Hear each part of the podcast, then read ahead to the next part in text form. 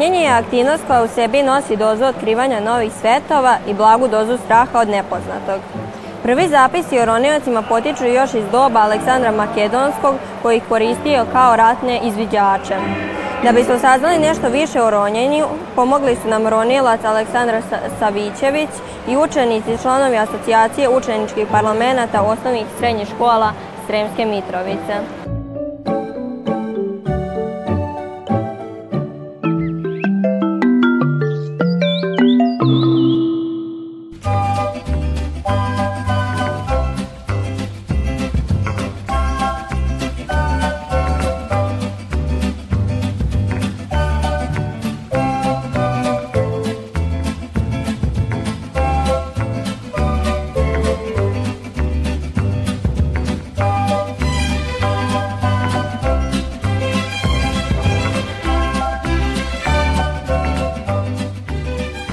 može da postane ronilac. Svako ko želi, ko voli vodu, ko ima, a i ne mora da ima prethodna iskustva sa bilo kakvim vodenim sportovima, može da krene na prvi osnovni e, ronilački kurs koji se danas zove OVD ili Open Water Diver. E, kurs traje onoliko dugo koliko je potrebno polazniku da savlada sve vežbe i da nauči sve one fizičke zakone koji su neophodni i propisani e, u Svetskoj asocijaciji za taj prvi kurs. E, dakle, rekreativnim ronjenjem može da se bavi apsolutno bilo ko ko voli vodu, e, želi da proba nešto novo, želi možda da oseti i nešto možda ekstremnije, iako ja ronjenje ne smatram za nešto što je ekstremno, ronjenje je pre svega uživanje, neophodno je pristupiti i završiti prvi osnovni kurs Open Water Diver ili po staroj kategorizaciji ronilac sa jednom zvezdicom. Nekada se to tako zvalo, danas imamo novi naziv. Do profesionalnog ronjenja je jako teško doći, potrebno je završiti više različitih kurseva, između više različitih kurseva, više specijalističkih kurseva i imati određeno prilično veliko bogato iskustvo u ovom rekreativnom ronjenju, poznavanju ronilačke opreme, pa i nekih sporednih stvari koje su neophodne kao što su, na primer, spasilaštvo na vodi, pružanje prve pomoći, podvodna fotografija, podvodno snimanje i drugi.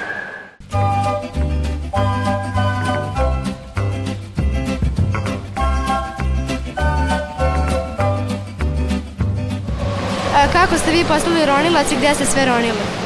Ja sam prilično davno postao ronilac. Svoju karijeru sam e, počeo evo baš ovde gde se danas nalazimo, ne na ovom bazenu jer još uvek nije postojao tada, ali ovde blizu na reci Savi, u ronilačkom klubu Žuta Foka. Tada sam prvi put e, kao veliki ljubitelj e, vode, vodenih sportova, ali i arheologije, podvodne arheologije. Želeo sam da to spojim. Ovaj, I prvi put sam zaronio, što je bilo jako davno. Kasnije sam pristupio kursevima po različitim asocijacijama. Danas sam nosilac e, četiri e, različite internacionalne licence i licence za tehničkog ronioca, odnosno za profesionalnog ronioca koji radi i obavlja neke zadatke e, tehničke prirode pod vodom. Ronio sam na mnogim morima, jezerima, rekama, čak i u podzemnim pećinama koje su ispunjene vodom. U cilju istraživanja ronio sam i u cilju e, popravki, servisa, različitih podvodnih ventila, oplata broda i tako dalje. Što se lokacije tiče, ima jako puno lepih mesta, pre svega bih izdvojio Egejsko more, e, Hrvatsko primorje, kao i neke predivne pećinske komplekse ispod Homoljskih planina kao što su vrelo reke Krupaje.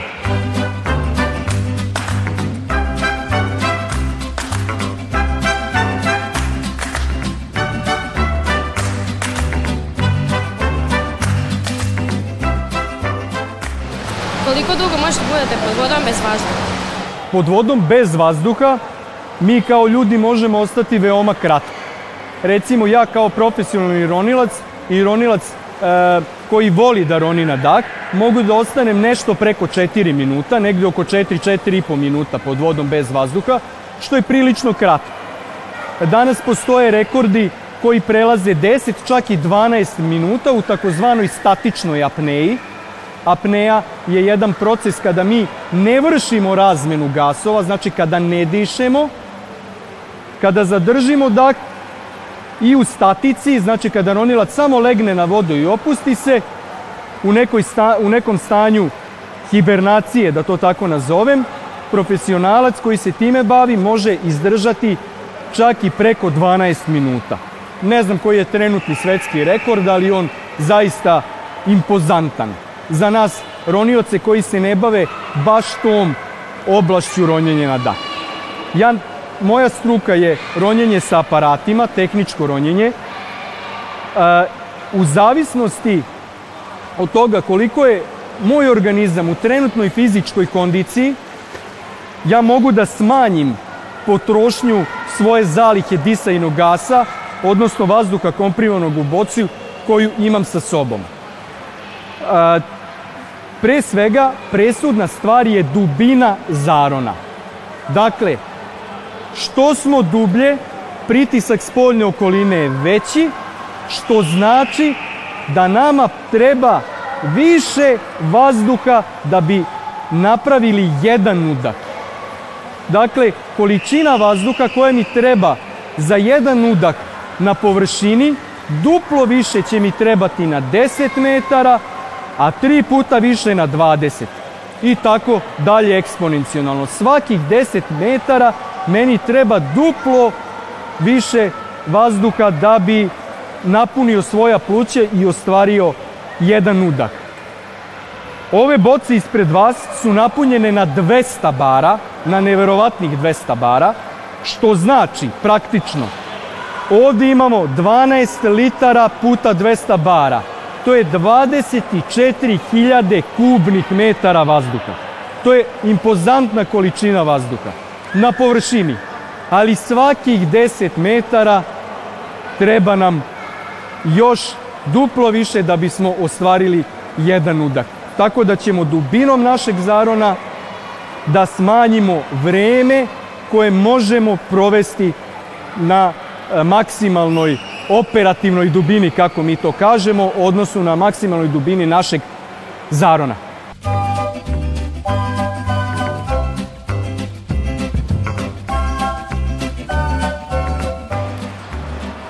još jedna ništa manje važna i ništa manje široka oblast u ronjenju je spašavanje na vodi i spašavanje pod vodom.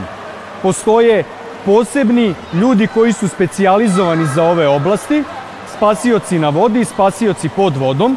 Ja o tome mogu puno da vam pričam, ali mnogo bolje će vam reći moj veliki prijatelj Đorđe Nedeljković, koji je profesionalni spasilac na vodi i profesionalni ronilac. Đorđe, izvoli. Hvala Aleksandre. Ćao drugari, kao što ste čuli ja sam Đorđe i bavim se spasilaštvom na vodom, kao i pod vodom.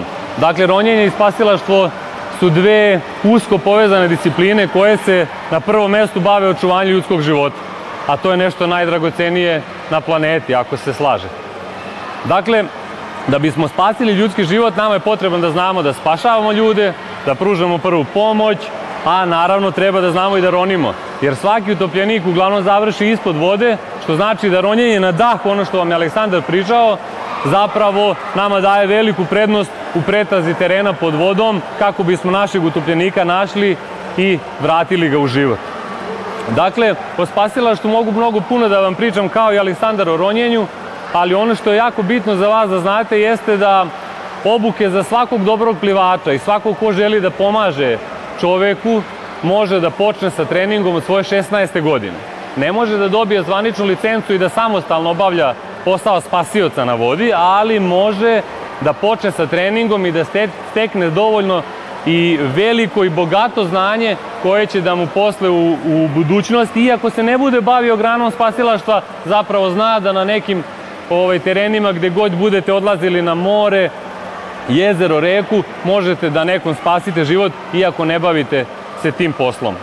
Dakle, mladi moji spasioci od 16 godina krenu lepo da treniraju, pa kada napune 18 dobiju licencu i onda se bave granom koja se zove spasilaštvo na vodi. Oni se time bave isključivo svojim sobstvenim znanjem i svojom sobstvenom kondicijom koju imaju u sebi. Naravno, tu postoji niz oprema koje nama to olakšavaju a to su spasilačke bove, razne spasilačke tube i ostala sredstva koja su liči deo spasilačke opreme i koji dovodi nama situaciju mnogo lakšom kako bismo spasili nečiji život.